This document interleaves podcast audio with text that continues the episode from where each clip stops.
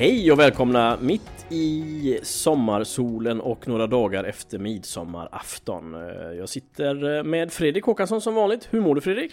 Hej Christian! Jo då, här är varmt och gött i hobbyrummet så jag på att säga. Nej, det har varit en underbar midsommar och eh, ja, Ja, nu är det en vecka. För mig är det en vecka kvar till semester och jag börjar Oh tänka ut hur jag ska spendera den. Planera sommar, semesterbygget kan vi väl säga. ja men precis, precis. Jo men det är lite så hur man, det är klart att vädret kommer ju avgöra lite grann hur mycket man är i hobbyrummet tänker jag. Ehm, men har du, hur är ditt klimat i hobbyrummet när vi ändå pratar om det? Ja, nu är det faktiskt varmt. Det är ju första året som jag eh, får uppleva en hel sommar i detta hobbyrummet, i det nya hobbyrummet. Mm, mm. Så vi får se hur det, hur det går. Ja, Om det blir rena, vad ska jag säga, blykammaren här. Eller om det kommer vara asfalt och skönt. Färg och värme och allting. Ja men jag tänker du kanske kan ha det lite grann som ett, ett eh, du får skaffa en AC och så blir det liksom kalla rummet sådär, du vet man kommer in och så är det alltid skönt och kallt och... Ja, vi får väl se. Mm. Löser det väl på något sätt. Men Ja, ja. nej, men det är ju så att är det för varmt och så vidare, det går ju inte att airbrusha och måla och sånt där, utan då får man göra någonting annat och sen. Jag höll på att säga det är det som är fördelen med att ha ett hus, man hittar alltid något svalt hörn någonstans. Ja men det är faktiskt, eh, det är faktiskt sant. Jag minns i mitt förra hus så hade jag även en sån eh, stenkällare eller med betonggrund och grejer och man kunde gå ner i. Och där är ju alltid svalt och skönt. Så som du säger, man kan ju hitta ett ställe någonstans i kåken. Ja men vad fint då, men har du hunnit få någon byggtid eh, de sista veckorna? Ja, faktiskt har inspirationen flödat till igen och det har blivit lite byggande. Ja för du hade en liten, liten, liten svacka. Ja, det var en liten svacka där, men det var ju mycket tror jag på grund av lite stress utifrån. Alltså det var mycket som hände runt om och Mm. då får det ha liksom prio ett. Själv då? Ja. Jo, men eh, jag är ju lite grann i science fiction-svängen just nu. Och sen har ju även du och jag en liten... Eh, en liten utmaning till varandra, eller på säga, som vi arbetar med också, både du och jag. Det gällande det här att bygga valfritt utav eh, skräp. Det som är ropet nu med hållbarhet och, och återanvändning. Ja, minst 80% skrot sa vi. Precis, precis. Just det, och resten får vara plastic card eller något annat så att säga. Och eh, ja, det är ju jättekul och som vanligt när man det är ju inte så att vi inte tittar på saker som man kan använda i bygge redan innan men det blir ju extra tydligt nu att man Jag har till och med bett folk på mitt jobb liksom att ta med, ta med sig allt de kan hitta i form av eh, korkar, lock och en massa olika saker. Ja. Nej, men hur har det gått med ditt bygge? Det, hur långt har det kommit? Jo men, ja, men jag är nog, jag får väl säga 80% då eh, är klar. Så de andra 20 får bli som är. Nej men, eh, nej men jag är nog ganska, det är, jag har fortfarande inte bestämt mig riktigt om det ska vara en flygande, flygande objekt eller om det ska vara ett la- landobjekt då. Det mm, återstår att se. Ja.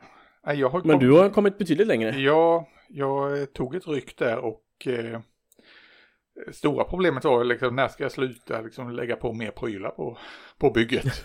Utan det, var, Ja. det, det höll på att gå till en jäkla massa CA-lim där för att eh, limma dit allsköns grejer mot varandra. Men Ja, eh, som sagt, jag har kommit ganska långt. Eh, Ja. ja. jag ska ge mig på vädringen här nu kanske i eftermiddag om det vill sig väl. Ja, då har du kommit väldigt mycket längre Ja. än vad jag har gjort. När vi är på vädret. Känn ingen, känns ingen, stress överhuvudtaget. Nej, nej. Det är roligt att du säger CA-lim också, för det är man ju inte helt van vid att man ehm, man får ge upp allt annat typ av lim utan bara hålla sig till cyanoakrylat. Mm. Det är... Men det är kul. Det är väldigt ett kul och prestigelöst objekt som man bara eh, Ja, jag tror Ja. att man behöver ha sådana byggen ibland. Och vi sa att sista gränsen för att det skulle vara färdigt var väl till AIM. Mm. Då ska de stå på bordet, eh, båda pjäserna. Men vi kommer väl Ja. avslöja dem för varandra innan dess misstänker jag. Vi kan inte hålla oss. Nej men det tror jag, det hoppas jag i alla fall. Jag har ju skickat en liten eh, teaserbild till dig, eh, men inte, inte mycket mer än så. Nej, och vad du vet om min är liksom hur bottenplattan ser ut, vilken skala den är i och att den är röd. Ja, det kan verkligen Ha så, bli... ha så eh, kul med den informationen. ja, precis. Ja, nej men det var väl det om eh, vår utmaning. Den fortsätter Mm. som sagt. Vi jobbar vidare på den. Ja, och du Christian, du eh, har ju eh, blivit färdig med ditt eh, diorama av bronsåldersbyn till museet. Berätta lite om det, hur gick det? Mm, jo men tack, eh, det gick bra. Jag fick eh, in eh, byn i bilen och det var en kamp bara det. Jag fick eh, Det var väl det största fysiska objektet jag har gjort eh, Så jag har hållit mig på golvet hemma faktiskt eh, när jag har gjort det här och Men jag är inte van vid att man ehm, Behöver gå, gå runt ett objekt för att liksom nå överallt eller sträck, sträcka mig över det och så vidare. Men det var ju inte så extremt avancerat, det var det ju inte. Utan jag gjorde ju tre tre kåkar och eh, lite sluttning med vatten och, och grönsaker och berg och sådär. Men det har gått bra. Den är avlämnad hos museet nu. Och eh, mottagandet? Ja, mottagandet var eh, tacksamt och glatt och de var väldigt nöjda. Ehm, kulturchefen kom fram och tackade mig, eh, även om som sagt det, jag är en liten del i utställningen, det är ju framförallt bronsålderskatten och det var ju väldigt kul att se den också tycker jag, även om jag det är kanske inte mitt primära historieintresse, men det är ju alltid spännande att se någonting som är så gammalt och hittat liksom sådär. Så, um, för det, lite fascinerande var också att, att eh, en anställd på museet hade gjort eh, en stor, som man säger, stensamling i skala 1 till 1 där man då skulle simulera hur man hade hittat den här skatten och det var faktiskt imponerande bra. Mm. Det tyckte jag var lite roligt. Eh, man ska inte underskatta 1 till 1 byggen, det är helt klart så. Nej, du, eh, hur länge är den här utställningen? Den är till och med oktober faktiskt, så att den är, den är där ganska länge och um, uh, uh, det, det som, jag ställdes ju lite inför det faktum där det bars, jag hade ju bara ställt upp hus och natur men så fanns det en önskan om att ställa ut uh, djur då i felaktig skala och jag hade inte hjärta att säga ja. Eh, så att det finns nog kanske några grisar och någon häst eh, som jag eh, Som är out of Kanske scale inte- då? eh, lite out of scale och kanske lite out of shade. Eh, jag vill bara varna lite för det, men eh, Du är oskyldig. ja, det är inte representativt för mitt Nej. arbete. Nevertheless, det, det, det var jättekul och eh, utvecklande som sagt att bygga stort eh, på deadline och så vidare. Så vidare. Jag kanske inte väljer att eh, prioritera sådana arbeten igen, eh, men det var väldigt kul och utvecklande, måste jag säga. Ja. ja, vi får se. För, förhoppningsvis har jag chansen att komma upp till Alingsås och titta på det. Tillfälle. Ja, men precis. Då får du, precis. ge mig även du, du får ge mig stora guidade turen då. Det ska du minsann få. Jag ska peka och säga, där är det. ja, har du haft några andra typer av sådana byggen också där du har förväntats eh, delta i någon magasin eller eh, journal, tidning eller något annat? Nja, det är väl eh, snarare så att eh, där jag har till, varit med i tidningar och så vidare, då har det varit för att mina byggen har varit färdiga innan. Så det har nog varit snarare att man känt en press att oj, nu har jag inte så lång tid att försöka beskriva det här bygget. Nej, just det, för det måste du göra då, inkomma med en beskrivning, företrädesvis på engelska tänker jag, Ja. Och sen ta en massa fina bilder. Ja, och där är väl också det här att jag tänker ju aldrig när jag bygger på att det här ska vara ett bygge som ska presenteras i en tidning eller något sånt där. Så det här med att eh, fotografera under processen och göra snygga bilder där, Mm. det har jag inte lärt mig ännu. Så det är Nej, ju nej. ganska så skralt med det, men det får vara en sån här sak som, okej, om jag ser, eller om jag har ett bygge på gång som jag tänker att det här kanske kan eh, publiceras framöver, då måste jag ju tänka att jag får ta bilder under tiden också. Dokumentera Mm, mm. och göra det på ett snyggt sätt. För det, Ja, är, det verkar vara en speciell arbetsgång där och det är en speciell typ av bilder som folk visar på. Det- Jag får göra en liten analys av det. Ja men exakt, för det är ju lite så här vad, vad VIP-bilder liksom, vad är det man ska visa på VIP-bilderna? Är det total ihopsättning eller är det en liten detalj som man tycker man är nöjd med eller och så vidare? Det är... Ja, ibland så ser jag ju på de här VIP-bilderna att eh, det är ju helt klart efterhandskonstruktioner för de har gjort en detalj i princip färdig och sen sticker de in en hand med en pensel. Ja just det. Och det är ju knappt att det är färg på den där penseln emellanåt också. Nej, men det håller med om. Det blir lite stageat ibland. Det blir det faktiskt. Och jag vet inte om jag vill göra sådana typer av bilder. Ja, vi får väl se. Jag har inte hamnat Ja, i det läget ja. än, men Nej, precis. Fördelen tycker jag är att man kan ju ta fina bilder med ganska enkla medel nu för tiden. Just med sin mobilkamera och en bra bakgrund så kommer man ju undan med ganska fina bilder. ja, du Sen är ju inte det magasinskvalitet men... Nej men alltså du behöver ju inte mer än ett kanske A3-papper som är liksom lite rundat i bakänden och alltså vik, uppvikt. Och eh, en mobilkamera som du säger. Och så lite kallt, lite kallt ljus. Mm. Företräder Ja men precis. Sen går ju att göra, resten går nästan att göra i eh, så här eh, efterbehandla Mm. i programvaran. Ja, exakt.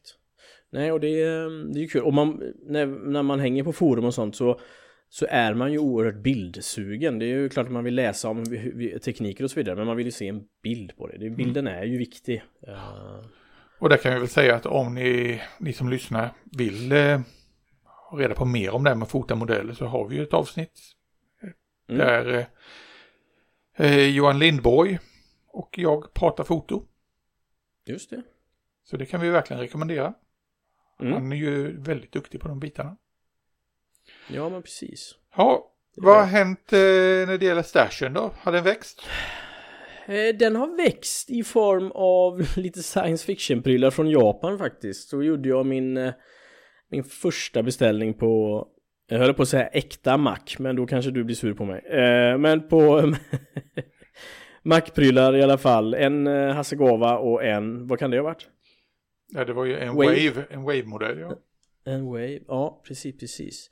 I, och i rätt skala denna gången, det var skala 1 till 20. Så att... ehm, Nu är du fast. det- Nu är jag fast i robotdräktshysterin här. Ja. Eh, nej men det är faktiskt jäkligt eh, kul att... ehm, Och du, eh, då kan vi börja, det finns väl, hur tyckte du det funkade att beställa då från, eh, var det Hobbylink du beställde? Mm, Hobbylink, precis, precis. Nej men det gick förvånansvärt snabbt och jag har ju um, i alla fall de sista 25 åren beställt online. Jag har ju haft ett stort kniv och ficklampsintresse så att jag har ju primärt beställt från USA innan och jag tycker att det har alltid varit lite krångligare att beställa österifrån än västerifrån faktiskt. Men det här gick eh, jättesmidigt, jättesnabbt. Jag kan inte minnas om det var några extra kostnader som tillkom, men det är möjligt att det blev någon tullhistoria där kanske. Ehm, men Det, eh, det, bruk, det brukar vara på Japan-paketen att eh, det ska igenom eh, tullen och Postnords avgift och sådana saker. ja, men det kanske var, jag minns faktiskt inte just nu, men det kan nog ha varit så ja. Och, och det är ju bara att acceptera och leva med såklart. Det är ju inget. eh. Så jag, nej, jag är nöjd. Ja, ja men toppen. Ja, och sen kände jag samtidigt också att nu, nu... Nej men jag kanske har kommit dit när man ser att det finns ju sån köp och säljes på svenska, bland annat på Facebook när det gäller modeller. Och ibland dyker det ju upp oerhört sexiga objekt som man vill höver. Men just det här vill höver-biten har jag nog släckt i behovet ganska mycket faktiskt. För jag tycker att det är så oförskämt mot mina andra modeller som ligger i, i stashen att eh, välja en, en eh, annan före dem. Ja, ja, så du, du känner att du är lite otrogen med andra ord. Eh, Precis, precis. Och du hade ju inga som helst problem med att vara otrogen när du var i Skåne för några veckor sedan. Så- Nej, jag höll på att säga, jag har väl ett eh, polygamistiskt förhållande till mina modeller i det fallet. Om vi nu ska gå in på de termerna. verkligen, Ja. verkligen. Däremot skämmer jag... du också fick på eh, stash. Ja, jag höll på att säga, jag, höll på, jag är ju sån också att eh, jag skämmer ju bort mina modeller när jag köper dem. Särskilt då fartyg. Så eh, det blev ju några båtar faktiskt där nere i Skurup. Och eh, nej, nu har jag kompletterat det med att eh, köpa in lite ets, lite trädäck, lite metallpipor till, till Det är fartygen. underbart ju. Så det, Ja, just det. Så det blev, eh, en, det kom en, en ökad kostnad eller på så här på hela kalaset. Men eh, ja, tillbehören kostade ju mycket mer än modellerna. Men i det här fallet Mm. så tycker jag det kan vara värt det. Och Ja, sen har jag väl inte nämnt att jag för ett tag sedan köpte en riktigt rejäl grej faktiskt.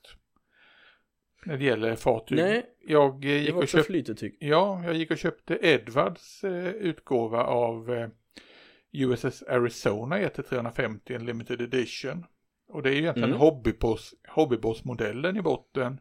Och sen har de lagt till all sin ets och eh, resin och metallpip och ja, Jösses. Det är mycket skrot med den satsen. Så det är en rejäl pjäs att ge sig på. Kommer ta Underbar. timmar. Ja, och du, var det 1 350 eller? vad sa du? 1350 ja. Underbart ju. Vad, vad, nu kan jag inget om USS Arizona, men finns det någon historia bakom hennes? Ja, hon blev ju sänkt då vid Öde. Pearl Harbor och det är hon som fortfarande Ja, okej. ligger kvar. De har byggt ett, eh, det här memorial-grejen ovanpå henne. Det var ju Mhm. massor med folk som, eh, som dog när hon bara blev skjuten i sank där. All right, all right. Så, eh, ja, jag på det var att titta på någon film om Pearl Harbor så kan du inte missa det. Nej, all right, all right. Ja, spännande. Men du, på tal om 1-350 så eh, kommer det ju intressanta saker här framöver. Och det är väl en Mm. liten trend. Eh, det mässade jag ju dig här i veckan om att eh, nu kommer det en stor flytdocka i 1-350. ja, Det är ju Tacom som ger ut den. Och eh, det. det blir ju en jättepjäs på 80 centimeter. ja, Du kan ju få i eh, USS Iowa eller New Jersey, den, de här riktigt stora pjäserna. hellre ett mindre barn. eh, Ja. Så att, Nej men alltså jag bara, Ja, men det- tänk, jag bara tänker vilket sätt att kunna presentera ett fartygsmodell man vill ha den i hel skrov. Och Ja, ändå göra lite verkligen. diorama av det. Precis. Nu minns jag inte hur höga kanterna var där, men det är inte så att man, man missar halva fartyget för att det ligger... Ja men du är ju Ja. nästan uppe i däckshöjd om du lägger henne på stapelbädden okej. där. Ja, Men du ser ju ändå, du kan ju från olika vinklar se ner och se skrovet. ja. Och tar du ett lite mindre fartyg, du kan ju lägga en kryssare där istället. Då, får du ju, då ser du ju desto mer. ja, just det. Så, Men det är ehm, jäkligt eh, coolt att man kan fortfarande hitta nya saker som liksom inte har släppts men ändå har en extremt hög relevans Mm. och, och intresse liksom. Det ja och samma flytdocka ska de släppa i ett på 700. Vilket kanske Mhm. gör dig lite lyckligare. Eftersom Ja, men precis. Det är en rimlig storlek. Ja.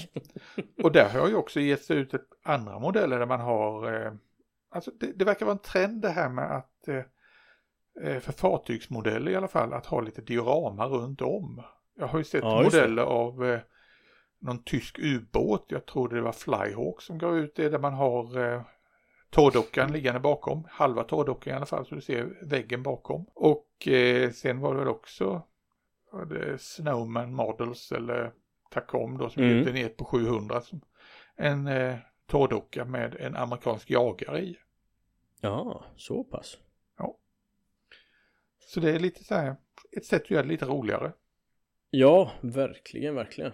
Nej, men det finns som sagt många roliga um, objekt och det är uh, ständigt. Sen, sen ibland tänker jag när jag ser vissa, när man kollar, jag följer ju det här um, Modeling News bland annat. Och då, blir, då tänker man säga att, man, att det släpps som kom 2004, att, att Hobbyboss eller eh, någon annan släpper en, eh, en tiger med initialtornet exempelvis, kungstiger. Så blir jag så här, hmm, okej.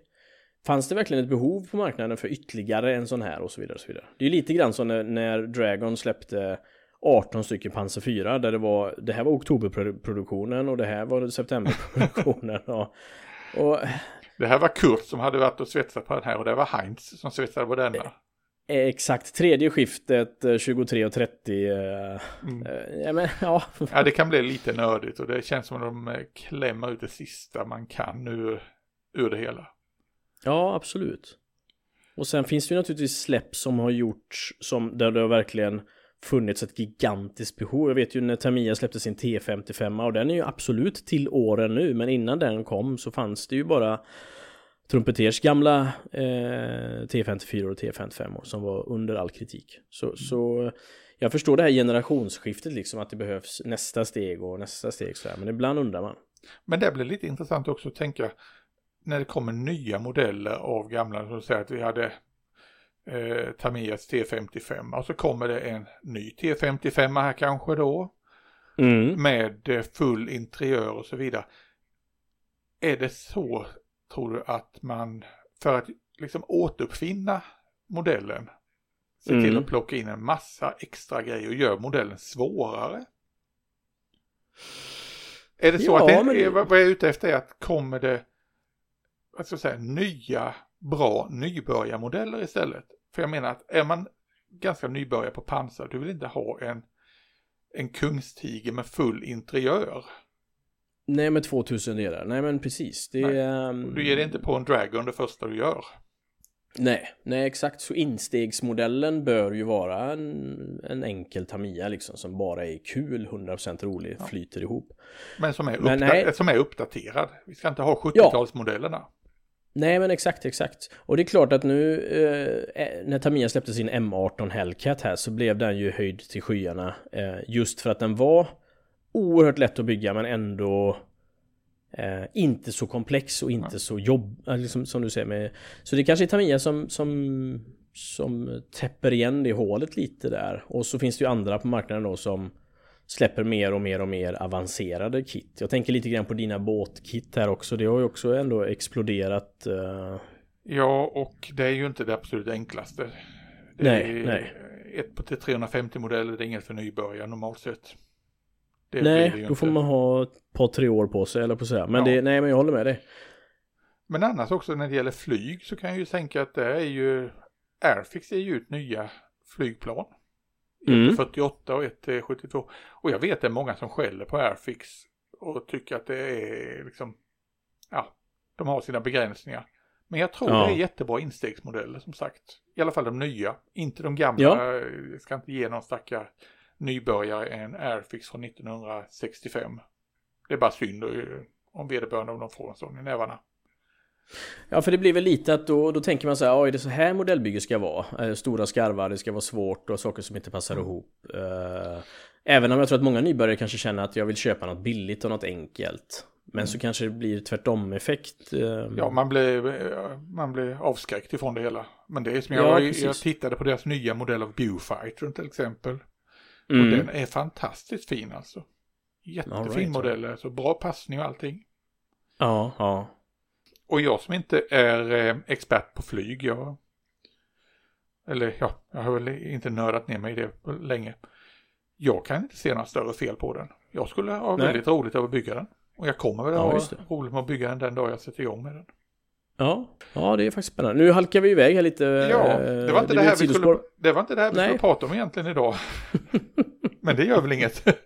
Nej, det gör väl inget. Eh, Vi halkar ju inte helt osällan iväg från ämnet. Men eh, nu har vi inte påbörjat dagens ämne riktigt heller. Och tanken är ju att vi ska prata lite mer om diorama idag. ja, eller rätt sagt eh, början till diorama, hur de blev till.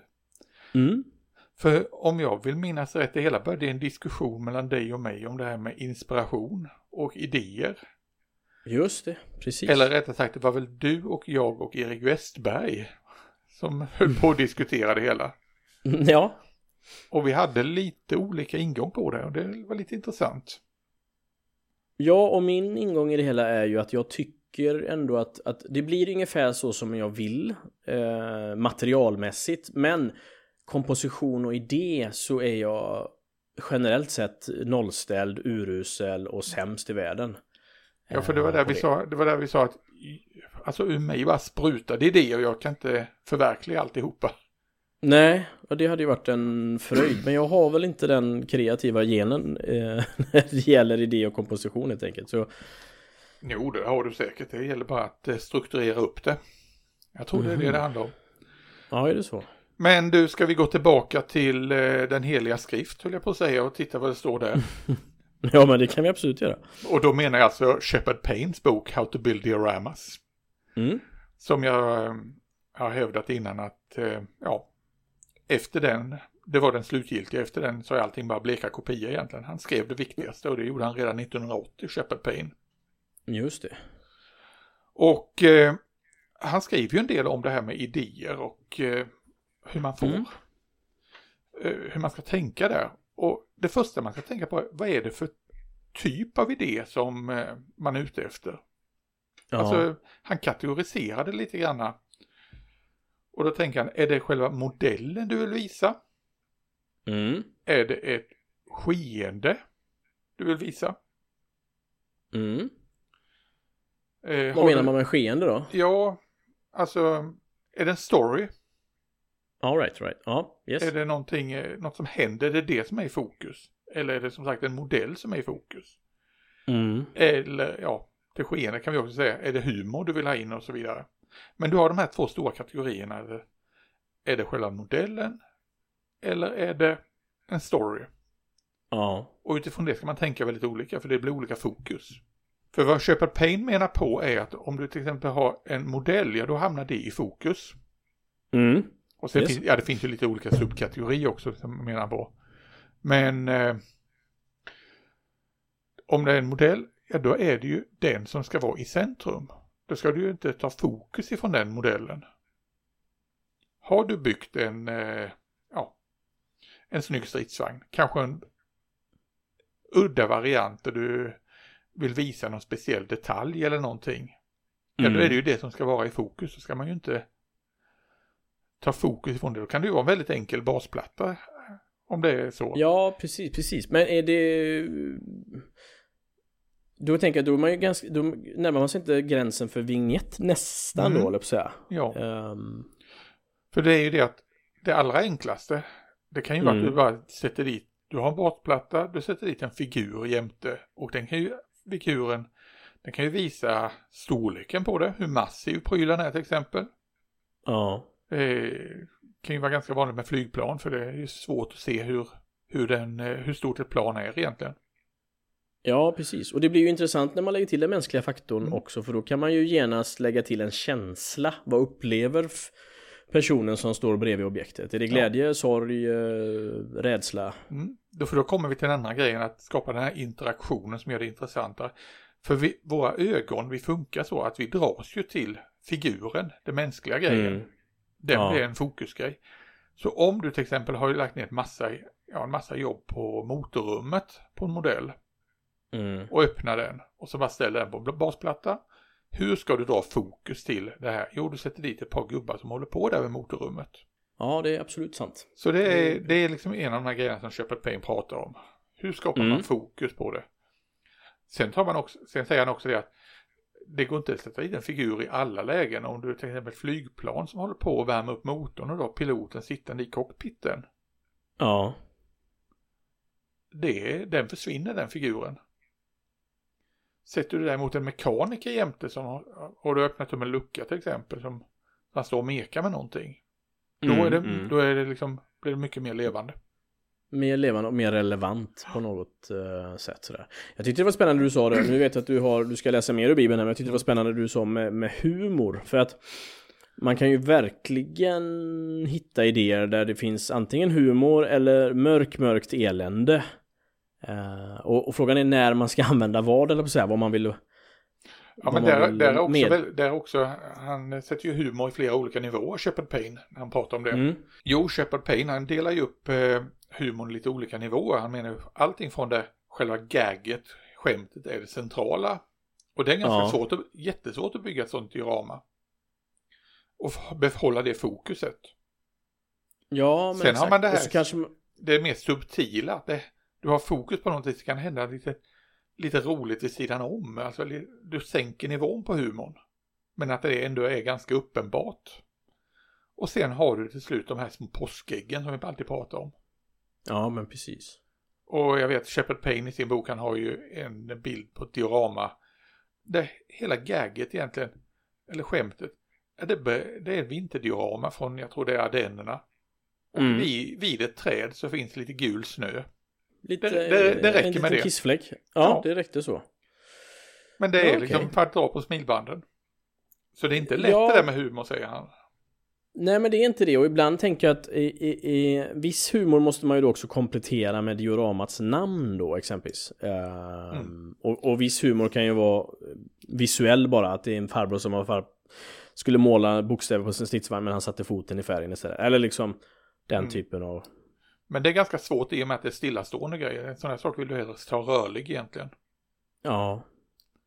För Ja, om, du tänk, om du tänker det, det här blir ju alltså som ett, eh, en, en enda serieruta du ska samla hela skämtet i. Mm, precis. Oftast utan ens kunna kommentera det utan att ha någon pratbubbla. Tycker du att man ska blanda in humor i diorama? Att det ska Absolut. vara... Absolut. Ja. absolut ska man.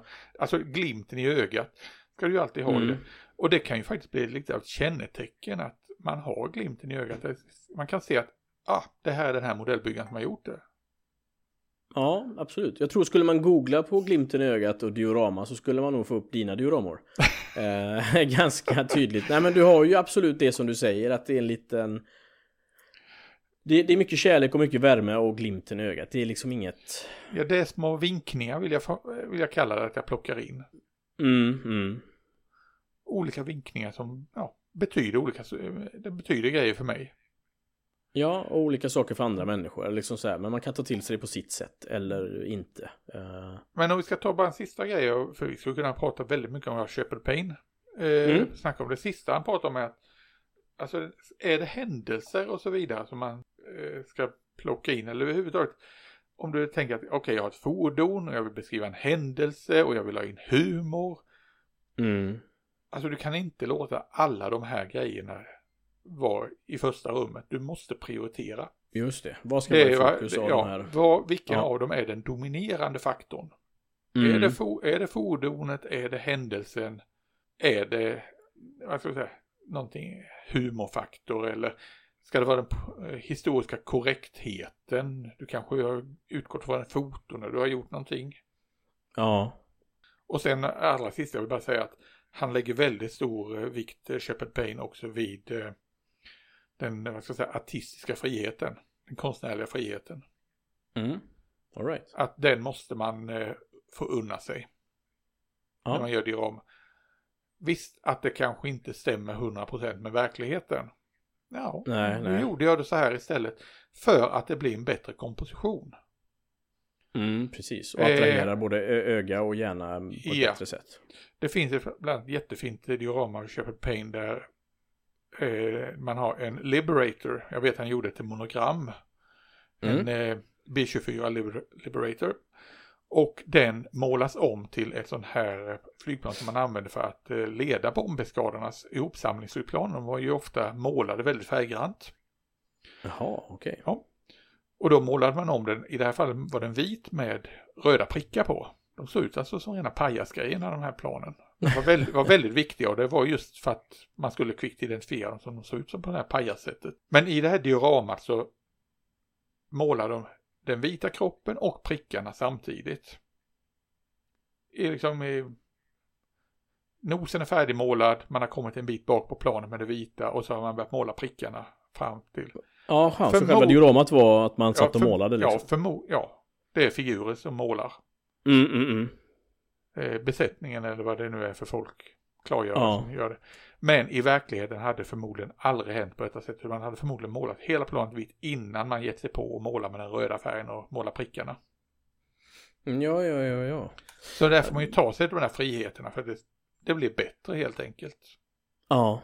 Att bara någon ser liksom, okej okay, vi målar ett flygplan vitt. Hur roligt är det? Ja, det, så det är en poäng. Och det är samma sak kanske när det gäller eh, om du skulle göra ett fordon. Tänk alltså på flera se sekvenser samtidigt som egentligen skulle ske samtidigt. Det kanske, os det kanske är osannolikt att någon mekar med motorn samtidigt som någon annan håller på att rengöra vapnet eller liknande.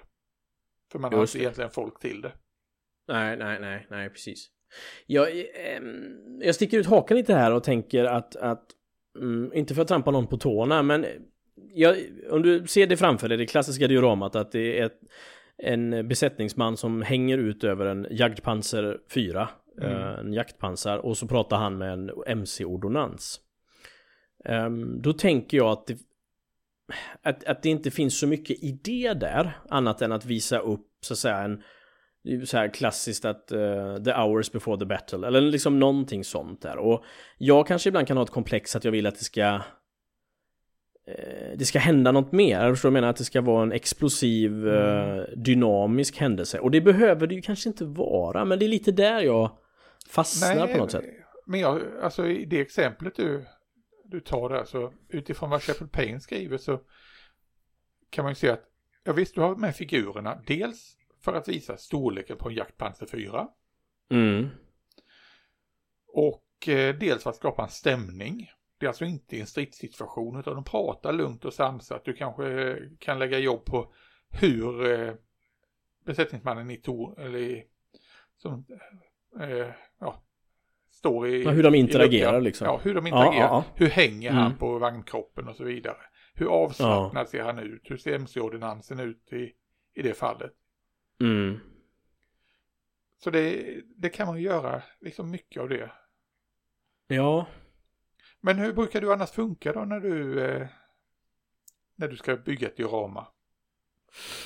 Nej, men jag tänker det närmsta som ändå har liksom fått någon form av eh, erkännande i alla fall. Det var ju när jag byggde eh, T72 med den kvinnliga mekanikern som eh, som jag i alla fall fick silver för, om man ska dra en parallell man visat upp för andra så tänkte jag nog egentligen på alla de här grundprinciperna eh, kring, kring utförandet och sen så kan jag ju tycka att den här idén att det står en kvinna där och lagar att det är ju en ganska tom idé. Så jag var, det är inte så att jag var så stolt och nöjd men jag kan tycka att det är lite grann som det exemplet du drog upp där innan då, med, med pans, jagdpansarfyran där.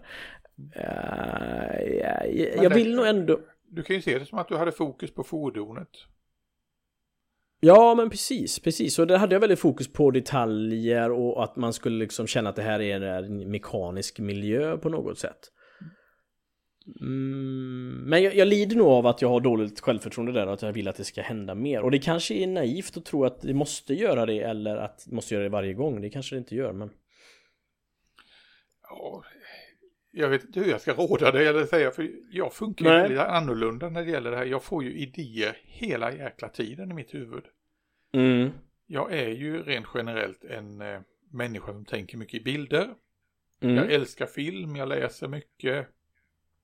Jag har hela tiden historier i skallen. Ja. Och ser situationer. Och ofta är det det att jag gör kopplingar mellan saker och ting. Jag kan ha en modell liggande. Och sen kan helt plötsligt jag se någonting ute och ja men vänta det här skulle ju kunna funka. ja, Det kan vara en dråplig situation, det kan vara Jag brukar ju ta det här exemplet om med eh, plåtpolisen. Mm. Där jag hade en ganska svår modell. Jag, alltså den här Neuspotten som är en Maschinenkrigerfigur. Alltså väldigt avlång, väldigt svårplacerad. Ska egentligen sväva också. Mm. Och jag har sett den gjord i så många fantastiska varianter som en militär maskin. Ja. Men jag bara tänkte, hur fasen gör man med den? Så det, jag bara gick och malde och malde och malde och malde. Och sen var det nog ren bara association helt plötsligt som det bara klickade till. Att, bara, vänta nu här, så skulle man ju kunna göra.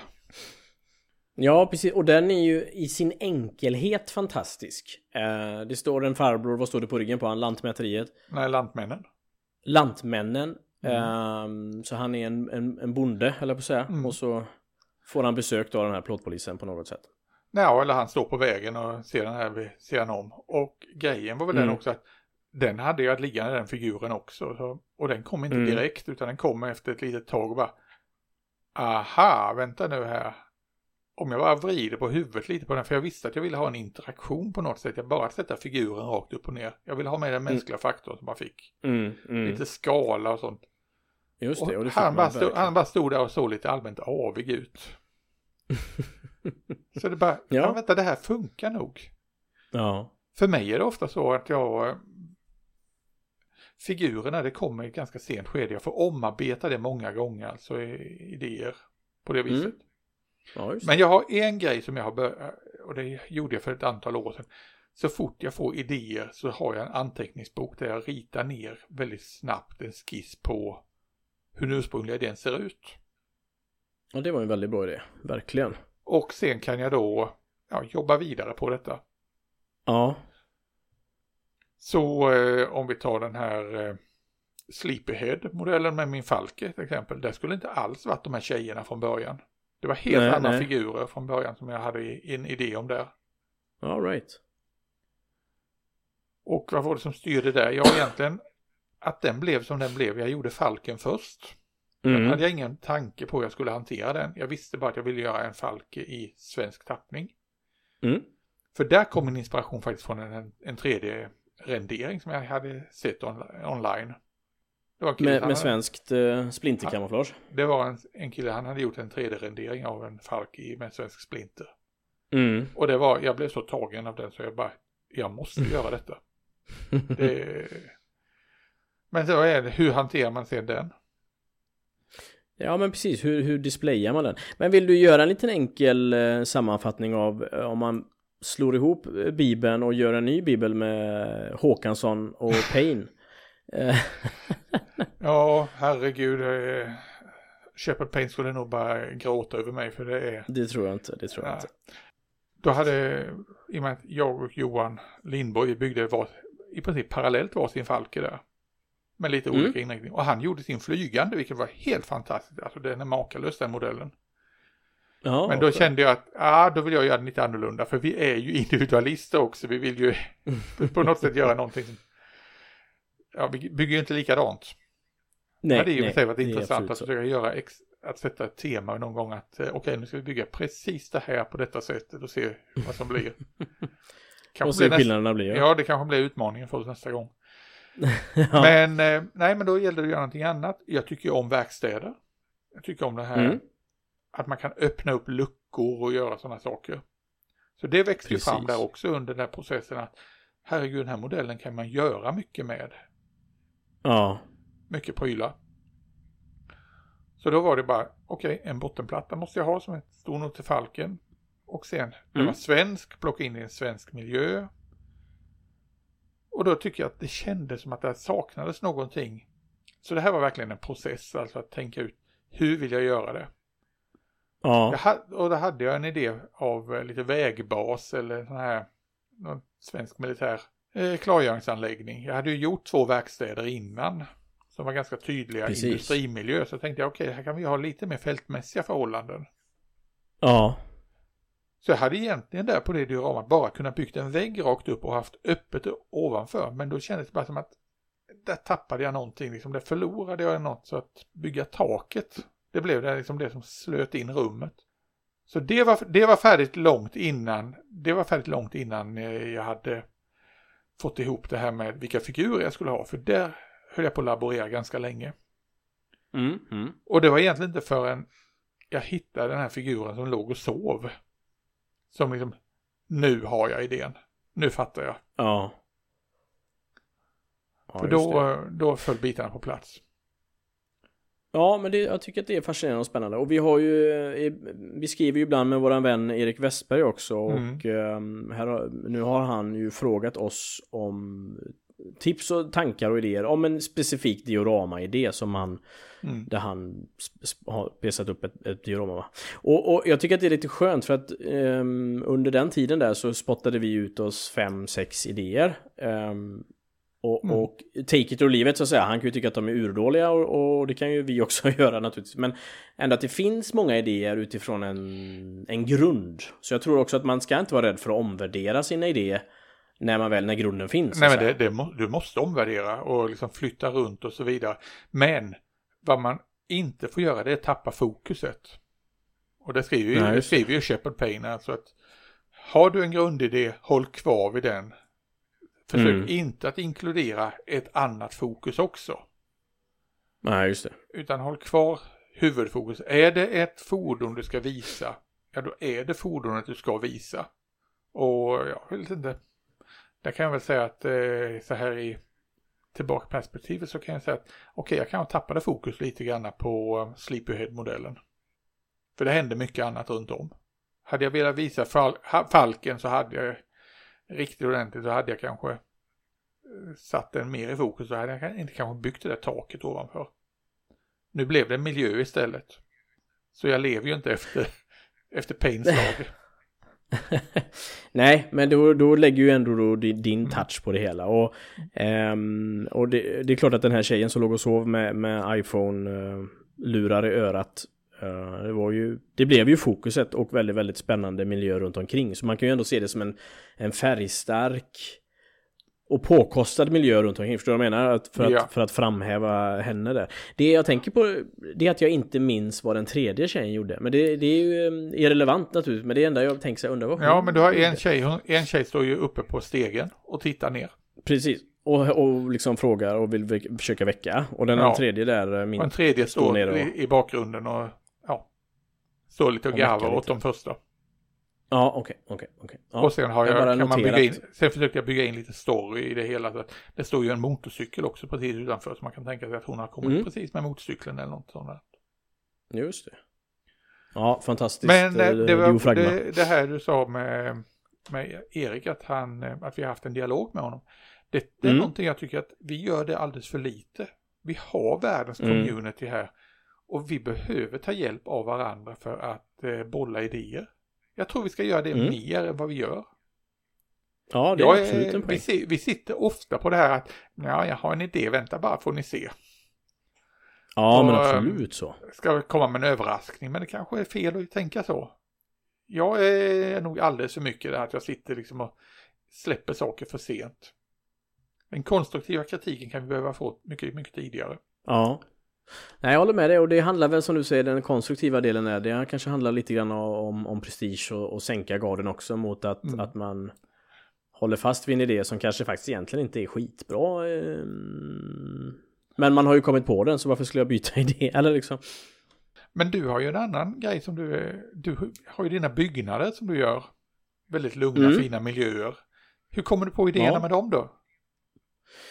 Ehm, förr var det ju 110% inspiration och nu har det blivit mer eh, uh, fri fis så att säga. Nu freebasar jag mycket, mycket mer. Men förr var hjärnan så dålig på att utveckla så att jag var tvungen att titta på ett kort eller på en annan byggnad. Eh, Men där är jag inte nu, så det tycker jag faktiskt att jag har skett en mental utveckling, att jag kan bygga lite fritt. Nackdelen med det är ju att eh, jag kan ju inte göra en VIP-bild på, på bygget för att det blir ju alltid sista minuten lösningar eller det ser ju för jävligt ut på resans gång så att säga. Man kan ju vara lite avis på dem som bygger snyggt hela vägen, förstår du vad jag menar liksom? Men, Ja. men det gör ju inte jag. Och det är mystiska baksidor och, eller liksom så här, men Mm, Nej, men om vi tar det här gula huset till exempel som du eh, gjorde för inte så länge sedan. Ja, jag tittar faktiskt på det precis. Ja, och då tänkte Ja. jag att det har jag ju tagit direkt ur bara huvudet liksom. Inga förebilder. Nej, inga förebilder alls på det. Och eh, då tänkte jag, jag tänkte nog faktiskt på det, att jag bara kände att det här vill jag ju bara... Men då har du en väldig, Bygga. säk då har du en väldig säkerhet när det gäller liksom att ha ett koncept i skallen på något sätt. Alltså för det ser ju korrekt ut huset alltså.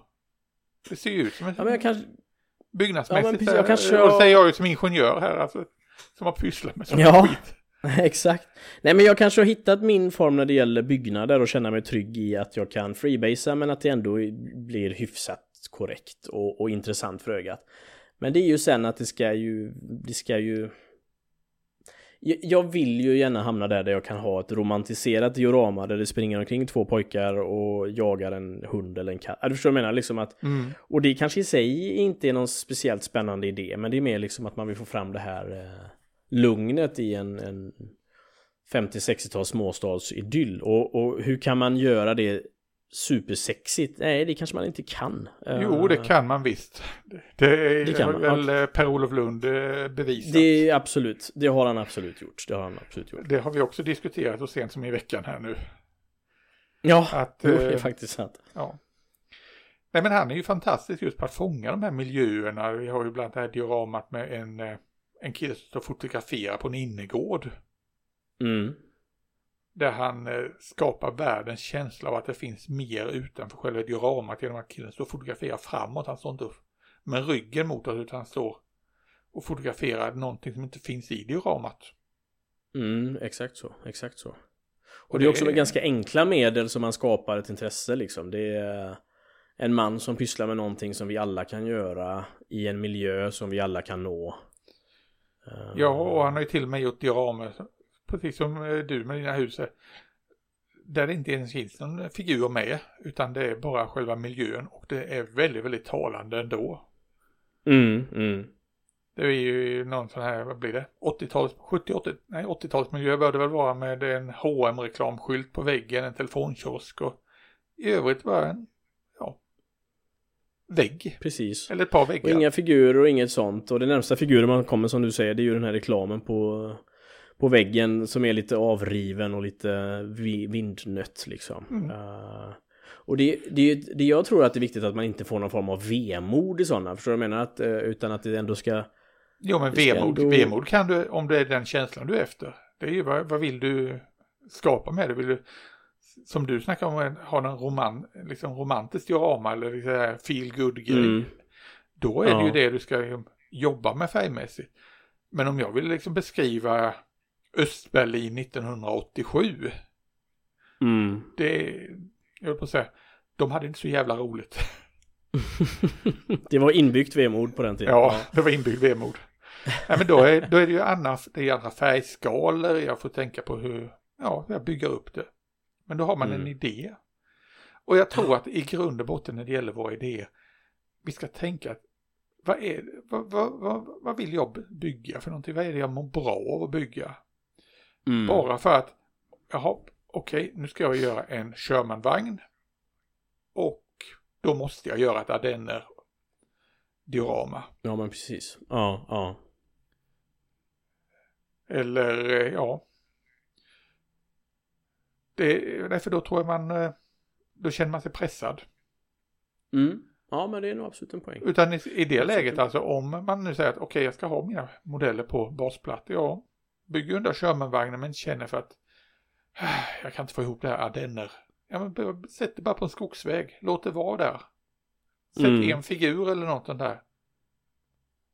Ja precis. liksom- Man ska inte krångla till det på det sättet. Nej men Nej. jag tror att man eh, missar någonting liksom. Det är som sagt, håll, håll, det, håll det mycket enkelt.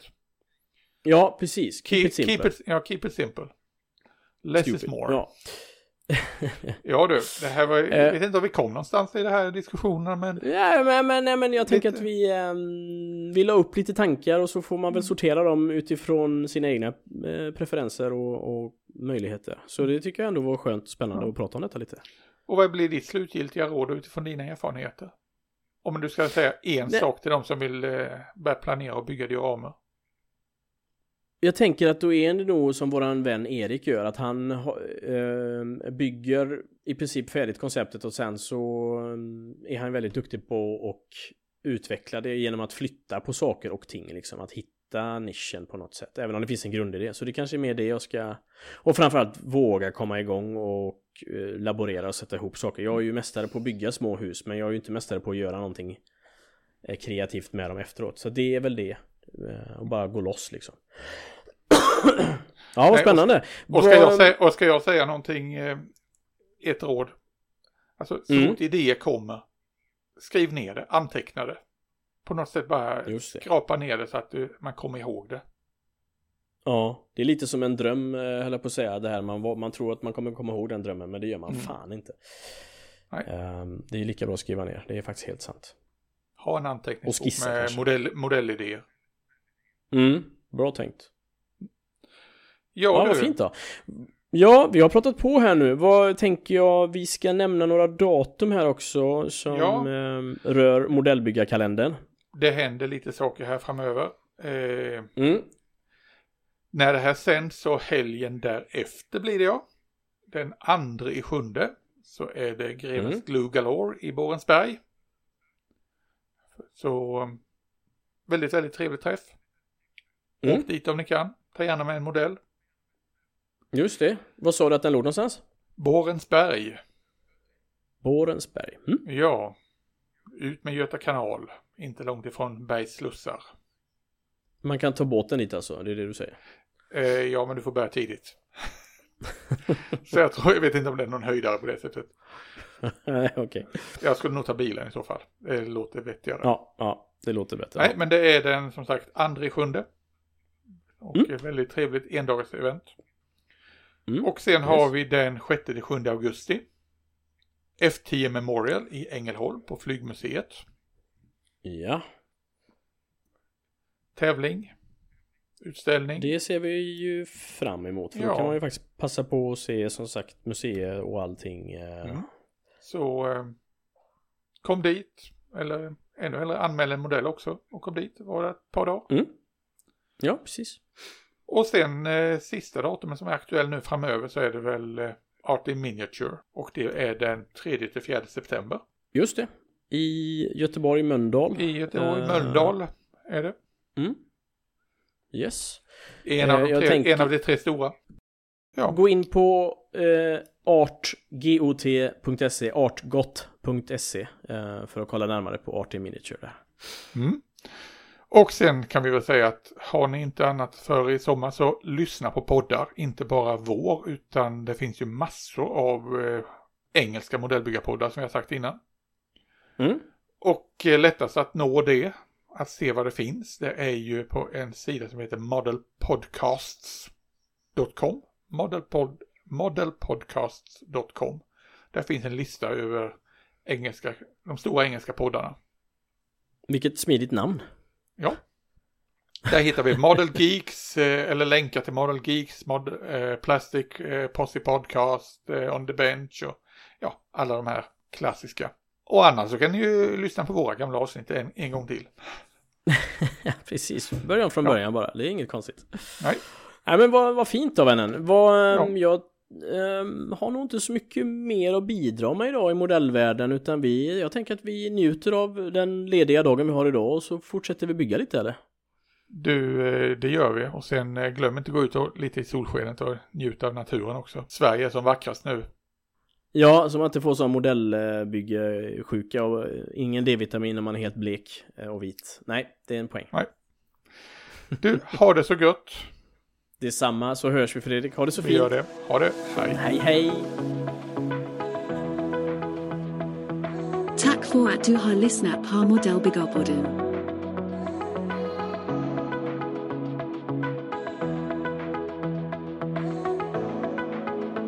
Mod, mod, mod, mod, Modellbyggarpodden. Mod, mod, mod, mod,